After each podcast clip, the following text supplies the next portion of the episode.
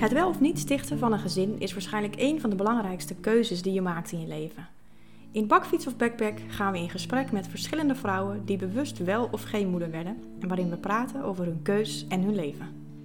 Ik ben Renske, 36 jaar en ik heb niet de wens om moeder te worden. Ik ben Esther, 36 jaar en ik heb twee dochters van 4 en 2 jaar oud. In deze podcast gaan we op zoek naar een reëel en eerlijk beeld rondom het wel of niet krijgen van kinderen. In deze aflevering hoor je het verhaal van Hester. Ik worstel best wel inderdaad met wat mag ik nog voor mezelf. Ik heb, het is ook een beetje af en aan gegaan, zeg maar. Uh, ik ging altijd al, ik was al veel een oppas uh, tiener. Ik paste bij de hele buurt op en ik vond kinderen altijd heel leuk. Ik ben ook wel in een heel hecht gezin opgegroeid, dus ik, en ik hou heel erg van die rituelen, van die knusse rituelen als kerst en ik vind het heerlijk om zeg maar, wat ik mee heb gekregen vanuit mijn jeugd, soort van mee te geven in wat ik nu met mijn eigen gezin heb. Dus oh, ik kan echt zo blij worden van dat ik dan uh, met mijn dochter nu de kerstboom kan versieren. Echt zulke lekkere burgerlijke dingen. Ja. Um, ja, dus of het echt heel erg momenten is geweest, maar het voor mij is dat het heel erg. En tijdens mijn studententijd is het even helemaal weg geweest. Okay. Dat ik echt dacht van, waarom? Waarom zou je dat willen? En um, wat veroorzaakte die twijfel dan toen? Nou, de vrijheid die je dan hebt. Ja. Alle, de hele wereld ligt voor je open. Je gaat opeens reizen. Je gaat, uh, ja, gaat alles doen waar je zin in hebt. Je, hebt op een gegeven moment wat inkomen. Dus je hebt geld. En nou, daarmee uh, kan je alles wat je wilt. En die, die eindeloze vrijheid om alles zelf te bepalen. Dat, dat is wel, denk ik, de grootste tegenstelling van hoe je situatie is met jonge kinderen. En dat, dat weet je wel een soort met je hoofd als je ze nog niet hebt. Maar als je daar eenmaal in zit, dan denk je, ja, het is inderdaad echt zo. Dat, dat is echt wel een. Um, ja, dat is wel echt een ding waar je voor moet kiezen. Ja, want dan ben je toch weer in het kamp van wel beland. Ja, ja, ik denk dat het was toen we echt, uh, toen Jochem en ik echt een relatie kregen dat als puntje bij paaltje komt, en dat vind ik dan ook wel interessant, van wat is dan uiteindelijk je motivatie hè, om wel een kind te willen? Het is ook ergens een soort van, um, uh, ik wil het meegemaakt hebben of zo. Mm -hmm. Dat klinkt wel, dat klinkt ook weer heel... Uh, FOMO. Ja, ja, YOLO, ja. ja. klinkt weer YOLO of FOMO, ja. ja. ja. maar wel, ik ben wel zo ingesteld dat je gewoon... Uh, ik wil het wel leven wel meemaken. En ik vind het leven een avontuur. En ik wil ook gewoon ja, een soort van alles genieten wat het leven me biedt. Dus voor mij ligt het ook een beetje in het verlengde van reizen of zo. Dat ja. een kind krijgen zie ik dan als de ultieme reis die je dan kan maken. En um, ik denk, oh ja, dat wil ik niet missen. Ik wil, wel, ik wil weten hoe het is om een moeder te zijn of om een gezin te hebben. En uh, ja. ja. dat stukje, dat, dat trok me ook heel erg. Maar dat is natuurlijk een heel romantisch beeld van wat het dan is. Maar, ja, is dat zo? ja, ja. Nou ja, het is natuurlijk, in, dat, dat is natuurlijk wel het eerste wat je leert als je midden in de poepluier zit en een gebroken nacht. Hè, dat het groot, groot deel van de tijd niet voelt als, dat, uh, als één groot avontuur. Ook al ben je heel avontuurlijk ingesteld of heel uh, positief ingesteld het is wel heftig. Ja, want wat is, wat is voor jou de grootste verrassing, hè, zowel positief als negatief, van het moederschap? Hoe confronterend het is voor jezelf. Hoe erg je geconfronteerd wordt met je eigen slechte eigenschappen. Okay. ja, dat is denk ik wel echt. Uh, bijvoorbeeld, ik ben iemand die echt totaal niet goed boos kan worden. Ik heb ook, ook met mijn man heb ik gewoon. Uh, we hebben wel eens. Uh, irritaties of een goede discussie. Maar echt agressief of boos, dat ken ik eigenlijk helemaal niet heel erg. Mm -hmm. Bij mijn kinderen wel. ja. ja, het is echt. Ja, die maken iets in je los. Ook qua liefde natuurlijk, juist ook die, uh, die positieve emotionele kant. Maar um, dat vind ik wel confronterend. Ja, dat je slechte, de slechte kanten van jezelf of je zwakke kant of de dingen waarvan je eigenlijk soort van. Wat je best wel goed kan wegpoetsen als je nog met z'n tweeën bent. Want je Mhm. kan met z'n tweeën, dan kan je, als je te dicht op elkaar zit en te veel in elkaars vaarwater, dan kan je afstand nemen. Weet Ja. je wel? Dan kan je zeggen, nou weet je, prima dat jij zo bent. Hier komen we niet uit. Jij doet jouw ding, ik kom- doe mijn ding. Ja. En we, we, we komen er wel uit. Maar met kinderen, dan eh, ontkom je daar niet aan. Sowieso niet, misschien met je partner nog wel, maar sowieso niet in de interactie met je kind. Je kan niet weglopen bij je kind. Nee. Dus je moet het soort van aangaan en tot, tot en met het gaatje gaan. Weet je, je moet echt tot. Ja, bijvoorbeeld als je echt heel praktisch, als je kind niet wil slapen of zo. Je kan niet op een gegeven moment zeggen, nou ik ben er nu klaar mee, weet je wat. We slapen er even een nachtje over Ja. en dan morgen zien we elkaar weer of zo. Ja. Het is er nog steeds, het wil nog steeds niet slapen. En Ja. eh, dus je moet gewoon de hele tijd die strijd aangaan. Maar ook, het is eigenlijk uiteindelijk een strijd met jezelf. En dat is denk ik wel een van de grootste verrassingen. En ook wel dat ik echt stiekem toch wel dacht van... eh, na, als ik dan andere ouders zag worstelen... Ik toch wel dacht van, nou, volgens mij kan ik dit best wel eh, goed. Of kan ik, volgens mij eh, kan ik dit best wel wat beter dan zij dat doen. Ja, precies. En dat ik ook echt al zo vaak in de afgelopen vier jaar heb gedacht van... Wat ben ik een slechte moeder. Ja? Ja, of, of ik ben ja, dat je gewoon heel vaak denkt van anderen zijn hier beter in of zo. Of, of oké, ik kan dit dus helemaal niet goed. Of ja, dat vind ik ook wel. Want ik, ben, ik, ik bedoel, ik heb kinderpsychologie gedaan, dus je denkt toch wel dat je iets weet. Ik heb heel veel opgepast. Ik had altijd wel kinderen om me heen. Ik, ik ben volgens mij pedagogisch best wel oké opgevoed. Dus dan denk je dat je best wel wat in huis hebt, zeg Ja. maar. Ja. Maar eh, eigen kinderen, dat eh, is toch net iets anders of zo. Maar je zegt van, hè, ik heb soms het gevoel dat ik geen goede moeder ben. Wat, wat voor momenten dan? Eh, Wat voor situaties?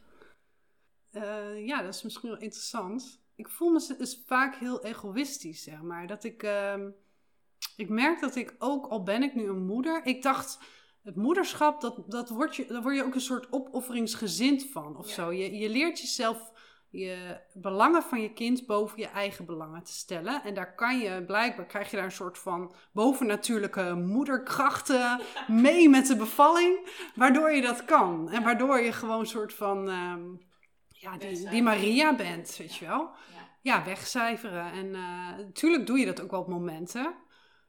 Maar ehm, niet vrijwillig. nee, maar ik bedoel gewoon, dat gaat nog steeds heel erg tegen mijn natuur in. Ik merk dat ik mijn eigen belang en mijn eigen, ja, gewoon je eigen energie, weet je, als je moe bent of, of Ja. eh, dat ik gewoon geen zin in heb. Of dat je gewoon veel egoïstischer bent dan je denkt of zo. En dan voel ik me soms, eh, ja, bijvoorbeeld ook als de kinderen al met je willen spelen, maar je, bent gewoon, je hebt er gewoon echt geen energie voor en, en daar gewoon geen zin in hebt. Ja. En je probeert constant af te wimpelen. Ik weet nog wel, ik één keer zat ik met Janna te kleien of zo. Was ik constant aan het weglopen. Dus ik zette haar even aan het kleien en dan ging ik weer even koffie halen. Of ik ging weer even op mijn telefoon kijken. En dat ze op een gegeven moment toen letterlijk tegen me zei, toen liep ik weer weg. Waarom loop je weer weg, mama? Het is toch leuk bij mij? Oh. Ik echt dacht, oh, nou, dan voel je dus echt een slechte moeder. Terwijl ik op al die, heel veel momenten natuurlijk wel aanwe- er voor haar ben. Maar dat je toch denkt van, ja, ik ben gewoon mezelf. En Ja. ik worstel best wel inderdaad met, wat mag ik nog voor mezelf? Ja, en het voelt toch ergens alsof je je kinderen altijd voor moet laten Ja. gaan. Of zo. Ja. Ergens zegt een gevoel, ik weet niet wat dat dan is, cultuur of je ouders of wat normen Ja. dat je kind gaat altijd voor je eigen belang. Ja, als je dan kiest van nee, ik ga vanavond lekker naar een vriendin of ik ga een weekendje weg. Het voelt een soort van, soort van strijd of zo, Ja. intern. Ik denk dat ik toch meer had verwacht dat ik een soort van opofferende kracht mee zou krijgen met de bevalling. Ik, daar was ik ook bang voor. Hè? Ik was bang dat ik een ander persoon zou worden Ja. na, nadat je kinderen zou krijgen. Dat was Ja. wel een van mijn grootste angsten. Ook wel bij eh, zwanger worden. Ja.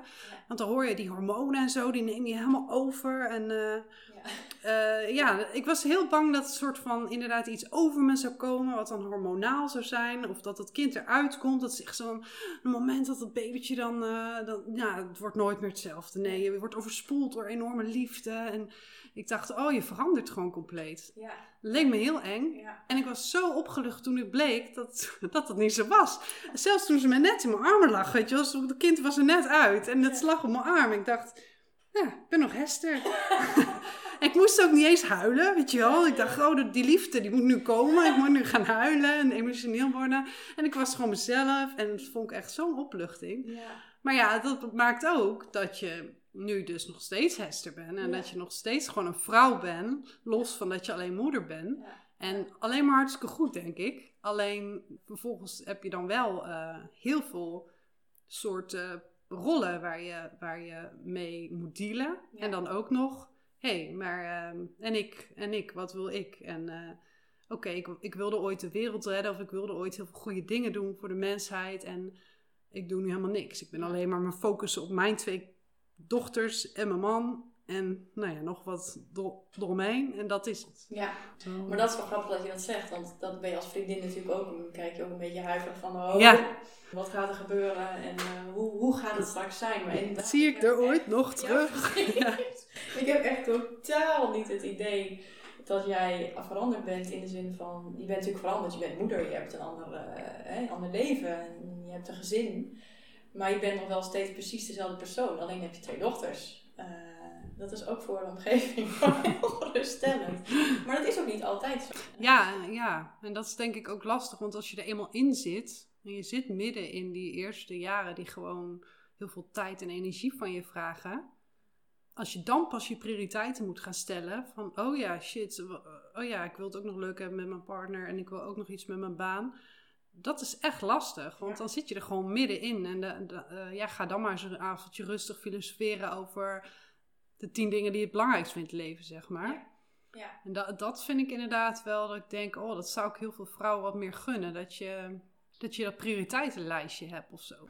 Ja, want wat, wat jij ook hebt, wat ik ook heel bijzonder vind, is dat jij je relatie ook nog steeds heel erg bewust voedt en daar actief en energie in stopt. Want hoe, hoe is dat? Hoe doe je dat? Nou, ik heb wel altijd inderdaad heel erg in mijn hoofd gehad van dat moet ik niet vergeten of zo. Of dat moet ik, dat moet belangrijk blijven. Ik weet niet waar ik dat vandaan heb. Misschien hoorde ik dat van tevoren veel of zo. Dat weet je wel van jonge ouders en die zijn al alleen maar moe en dan hangen ze op de bank en dan vergeten ze elkaar een beetje of zo. Of dan worden ze alleen papa en mama. En het was altijd ook wel een soort van schrikbeeld van oh, hoe gaat dat? Dus ik denk dat ik daar heel alert op ben geweest. Ja. Ja, ik weet dat een keer op Facebook op een gegeven moment, toen was Janne denk ik een jaar oud of zo, toen las ik een eh, brief van een moeder. Die schreef een brief aan haar man. En zij hadden samen twee, een tweeling, twee jongetjes. En die waren blijkbaar heel eh, heftig. dus zij schreef een soort van brief aan haar man om uit te leggen waarom zij niet meer voor hem kon zijn wie ze was. Dus ik ben zo moe en ik moet voor de kinderen zorgen. En zij, they take all of me. En dan s'avonds ben ik gewoon, heb ik niks meer over voor jou. En eh, dus ik denk dat ze een soort van probeerde uit te leggen van haar kant hoe zij het ervaarde, het ouderschap. Maar en toen ze- zei ze dus letterlijk aan het eind van de brief. Die had ze dus open op Facebook geplaatst van... eh, ja, ik weet dat je graag zou willen dat ik weer die bierdrinkende, lachende, zorgeloze eh, jonge vrouw ben... Die, die toen wij elkaar ontmoetten. Maar dat ben ik niet meer, sorry. Deal with it, een beetje zo. Ja. En er kwamen heel veel positieve reacties van moeders. Van ja, nee, dit is helemaal hoe het is. En, eh, terwijl ik dacht, ja, maar ehm, hij is wel gevallen voor die persoon, zeg maar. Ja. Hij is gevallen voor de blije, zorgeloze, bierdrinkende vriendin. Ja. Hij is niet gevallen voor de vermoeide, zeurende ehm, vrouw die alleen maar met de kinderen bezig is. En dat is een beetje uitvergroot, maar wel dat ik denk van... Je moet er echt soort van bovenop blijven zitten, heb ik het idee. Om juist dat wat je in het begin hebt, die soort van klik, dat soort van die vonk, dat je elkaar in de ogen kijkt en denkt van, oh ja, oh ja, dit zijn wij, weet je wel. Dit, Ja. zijn, dat is waarom wij elkaar leuk vinden. Ja. Daar moet je best wel, voor mijn idee, bovenop zitten en aan werken. Eh verliefd is een werkwoord. Ja, maar dat is echt zo'n dooddoener, maar wel volgens mij echt super waar. Wij hebben dan nog vrij makkelijke kinderen, maar stel je hebt een huilbaby of je hebt een kind met forse gedragsproblemen. Ja, hoe vind je de tijd en ruimte, zeg maar, om je een soort van proactief te voelen daarin? Maar dan nog moet je niet overkomen of zo. Je, moet- je moet er eh, een beetje op letten. Ja. Je moet, voordat je ook maar het idee hebt dat, het, eh, dat je alleen maar als papa en mama door het leven gaat. Of alleen maar in je joggingbroek loopt. Of eh, nooit meer een ander gesprek hebt dan over de kinderen. Ja. Daarvoor moet je, moet je daar een beetje gewoon, denk ik, gewoon op letten. En ja, het klinkt misschien dan weer heel erg van, dat moet toch vanzelf allemaal gaan. Het moet toch, dat zit toch vanzelf goed of zo. Maar Hoe, hoe heeft het jullie dan veranderd, of jullie relatie veranderd, de ouders worden? Ja, ik denk het grootste ding is wel dat je ja, sowieso de hoeveelheid tijd die je echt samen doorbrengt om leuke dingen te doen. Kijk, je kan als je een goede oppas bent, hebt, kan je best wel eh, nog uit eten gaan af en toe en zo. Maar wij hielden gewoon alle dingen die je leuk vond met z'n tweeën te doen. Weet je wel, lekker restaurantje opzoeken. Of ja, wij vonden samen op vakantie, samen reizen, superleuk.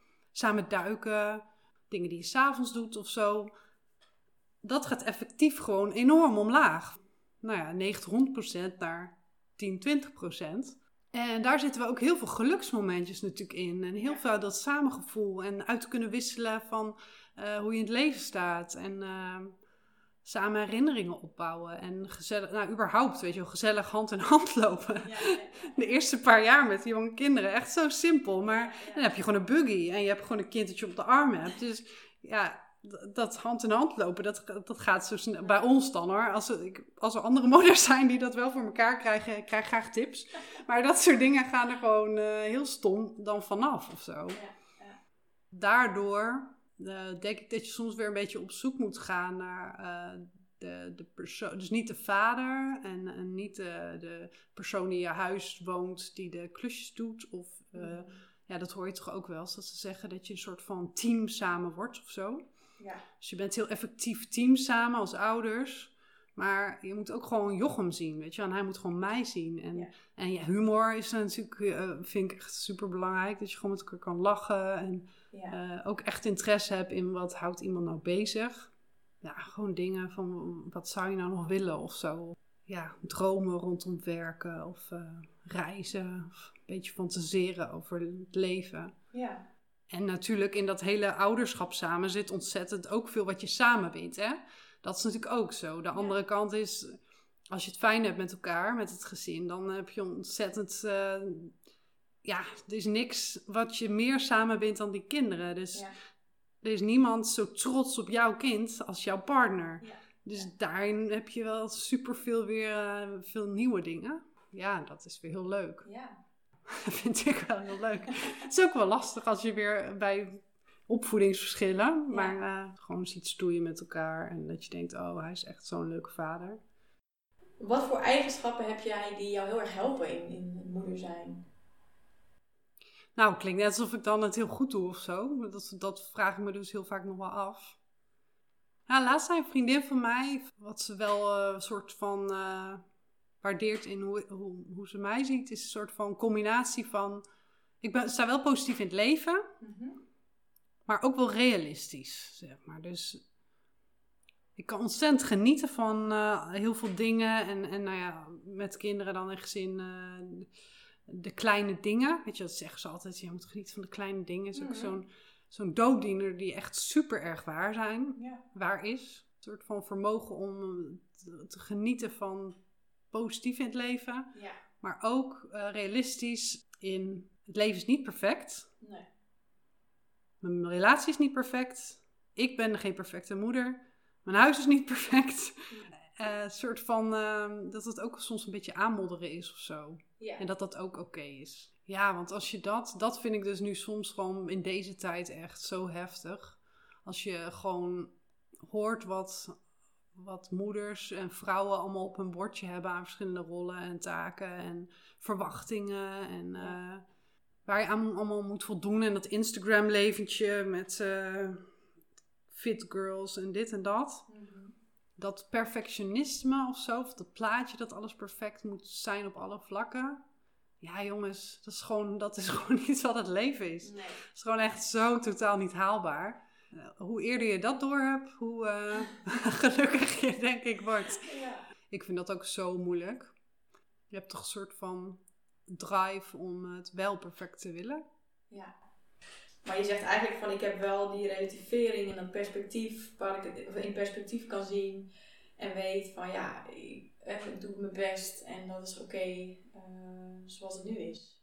Ja, als ik, als ik goed in mijn vel zit en goede dagen heb, en, uh, dan helpt dat me wel, denk ik. Ja, gewoon realistisch zijn. Maar, en ook bewust bewustzijn waar je, waar je ergens wel of niet voor kiest of zo. Weet je wel, eh, het is ook bijvoorbeeld mijn uh, carrière, of in ieder geval mijn werk, gewoon mijn baan. Ik werk drie dagen en ik heb best wel ambities. Ik zou, zie best wel een soort lange termijn plaatje van waar ik nog naartoe zou willen. Ik werk uh, in de GGZ als beleidsadviseur. En ik heb psychologie gedaan, net als jij. Dus dat zit soms nog wel in mijn achterhoofd van... moet ik toch niet die praktijkkant uit? Maar ook wel, ik vind de bestuurskant ook heel leuk. Dus ergens, uh, ik heb ook eens met mijn vader over, die is ook heel lang bestuurder geweest. Dat, dat eh, vind ik ook mega interessant. Dus dat is dan zo'n ver, uh, ver plaatje. Maar ik zie dan ook wel gewoon om me heen vrouwen die proberen dan alles, ook met, met, kinderen, nu te doen. Die denken, oké, dan ga ik nu die droomcarrière achterna. Terwijl ik uh, vier kinderen onder de, of drie, twee kinderen onder de zes uh, heb lopen. Maar dan ga ik ook nu vier dagen werken om die droomcarrière te ambiëren. En dan ga ik nog naar al die feestjes. Uh, mijn sociale leven op orde krijgen. En dan ga ik nog, probeer ik het met mijn man ook nog een beetje leuk te doen. En ik moet er ook toch wel leuk uitzien.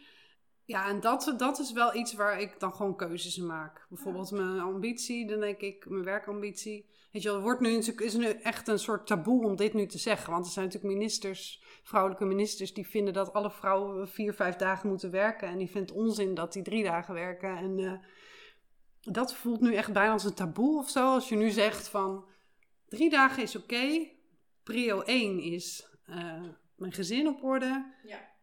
En die, die carrière, weet je wel, of die, die dat werk, weer meer gaan werken. En, en dat komt wel. We moeten werken tot we 70 zijn, hè? Ja, ja. ja dat is denk ik ook wel iets van uh, dat je als je. Echt ja. Bewust. Ja. ja, dat misschien, ja. Dat je echt ergens wel of niet voor kiest. Ja. Want uh, je zei dat wij reisden altijd heel graag. Ik kan me nog herinneren dat toen Janna nog, uh, nou, ik denk onder de één was, misschien net één dat dat toen echt nog heel erg bij jullie speelde. Van in ieder geval van, ja, maar jemig. Ja. Ineens dringt het voor me door. We kunnen gewoon niet meer weg. We kunnen niet meer reizen. Dat kunnen we met haar doen. Maar dan is alles anders. En, ja.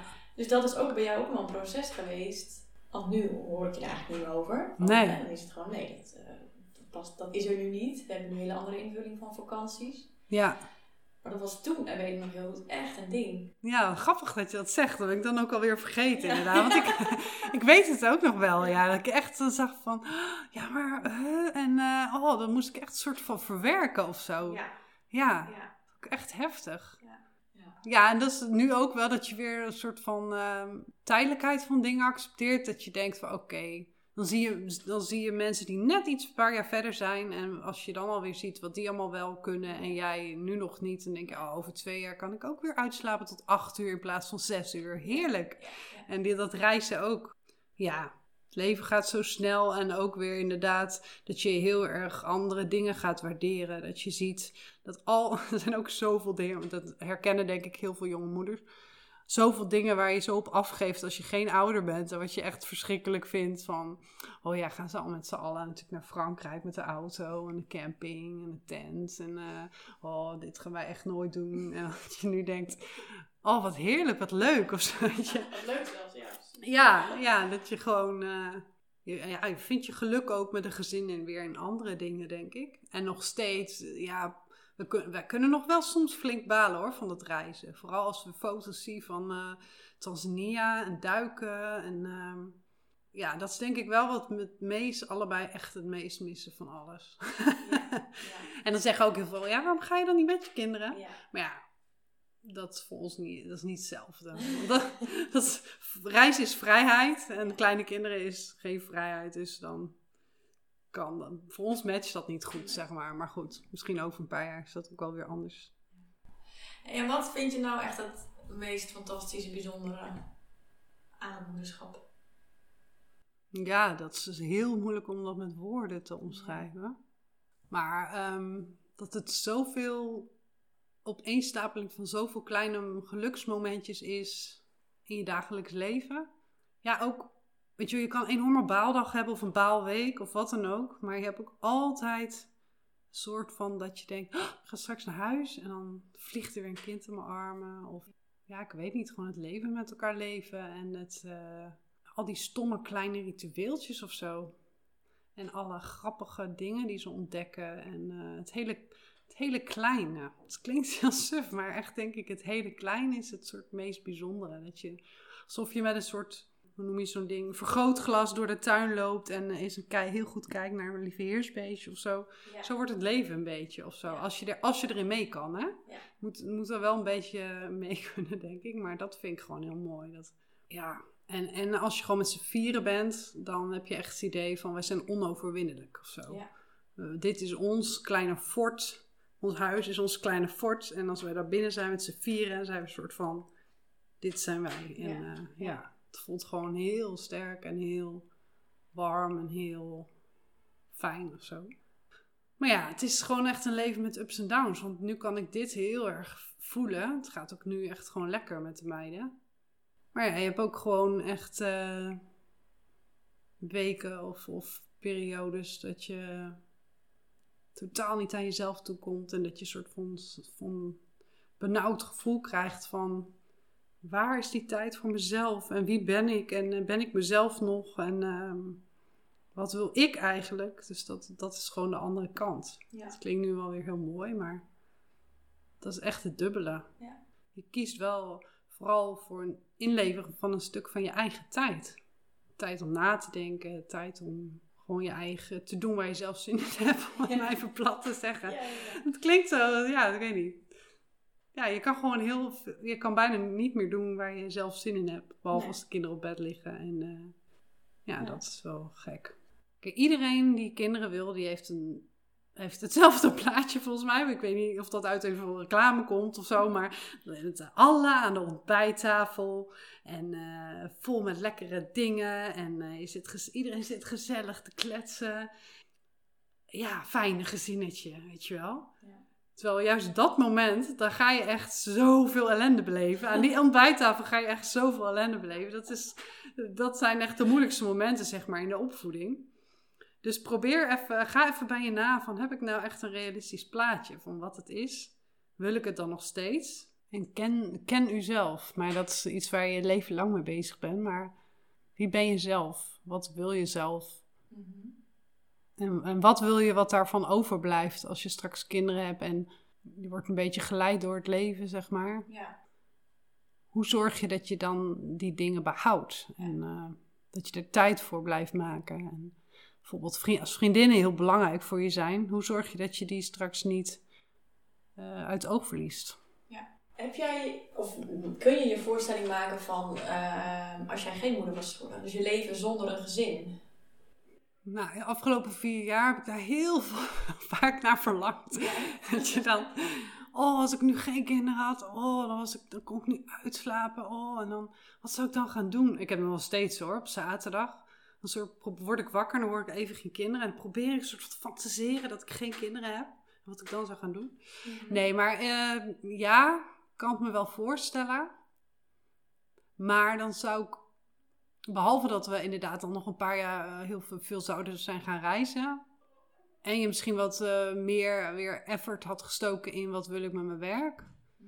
Denk ik dat ik dan wel heel erg een soort van kompas nodig zou hebben van eh, wat, wat is de zin van mijn leven? Klinkt weer heel groot, een filosofische vraag, maar eh, waar leef ik voor? Ja. Want dat zou me dan helpen om. Oké, ik heb dus geen kinderen. Ik heb dus heel veel vrije tijd de rest van mijn leven. Waar, waar, leef, ik, waar leef ik voor? Wat, wat, wat geeft me richting de komende jaren? Ja.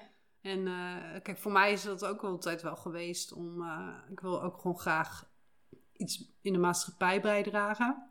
Dus daar zou ik denk ik heel erg mijn, eh, focus dan op hebben gelegd. Ja.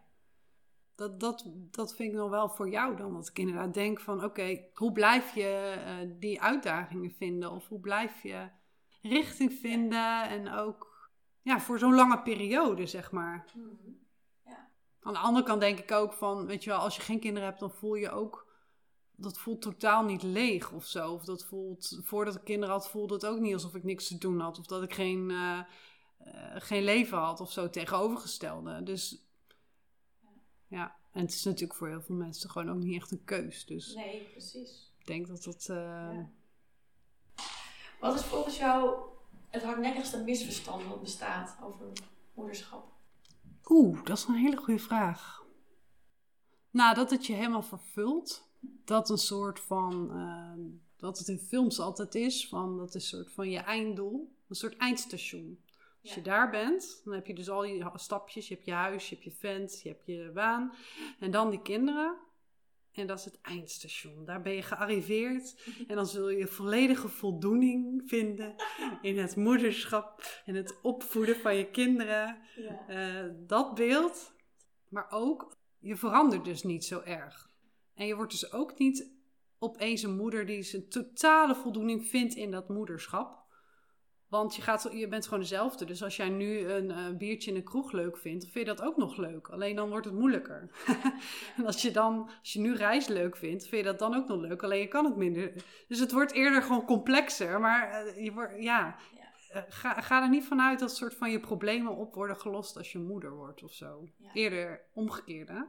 Je wordt ermee geconfronteerd. Ja. Je kan er niet voor weglopen. Je, misschien, ik denk dat je een tijdje voor bepaalde problemen kan weglopen bepaalde issues die je zelf hebt, dat die een tijdje ondergesneeuwd kunnen zijn. Doordat je gewoon helemaal focus en ja, helemaal op de kinderen stort. Mhm. Maar dat gaat je gewoon achterhalen, zeg maar. Dat gaat gewoon in relatie en in de, in de band met je kinderen en in je eigen uh, identiteit en je eigen ontwikkeling. Dat, daar ga je zo hard tegenaan lopen. Mhm. Het gaat je zoveel brengen. Het is geen eindgoed, al goed. Het is inderdaad een nieuw begin, een nieuw leven. Met uh, heel veel uitdagingen en geweldig veel uh, mooie kanten. En uh, ja, het, het, is ook wel, wel ergens een vol leven. Ja. Dat is misschien het grootste misverstand van moederschap. Dat het een soort eindstation is of een oplossing. Ja, ik ben wel gewoon heel erg benieuwd of hoe andere moeders hierin staan of zo. Of de beelden die wij hebben van waarom, waarom vrouwen voor moederschap kiezen. Mm ja, waardoor dat allemaal wordt, uh, waardoor dat is gedreven en of ze, of, of ze hen het ook heeft gebracht wat ze hoopte.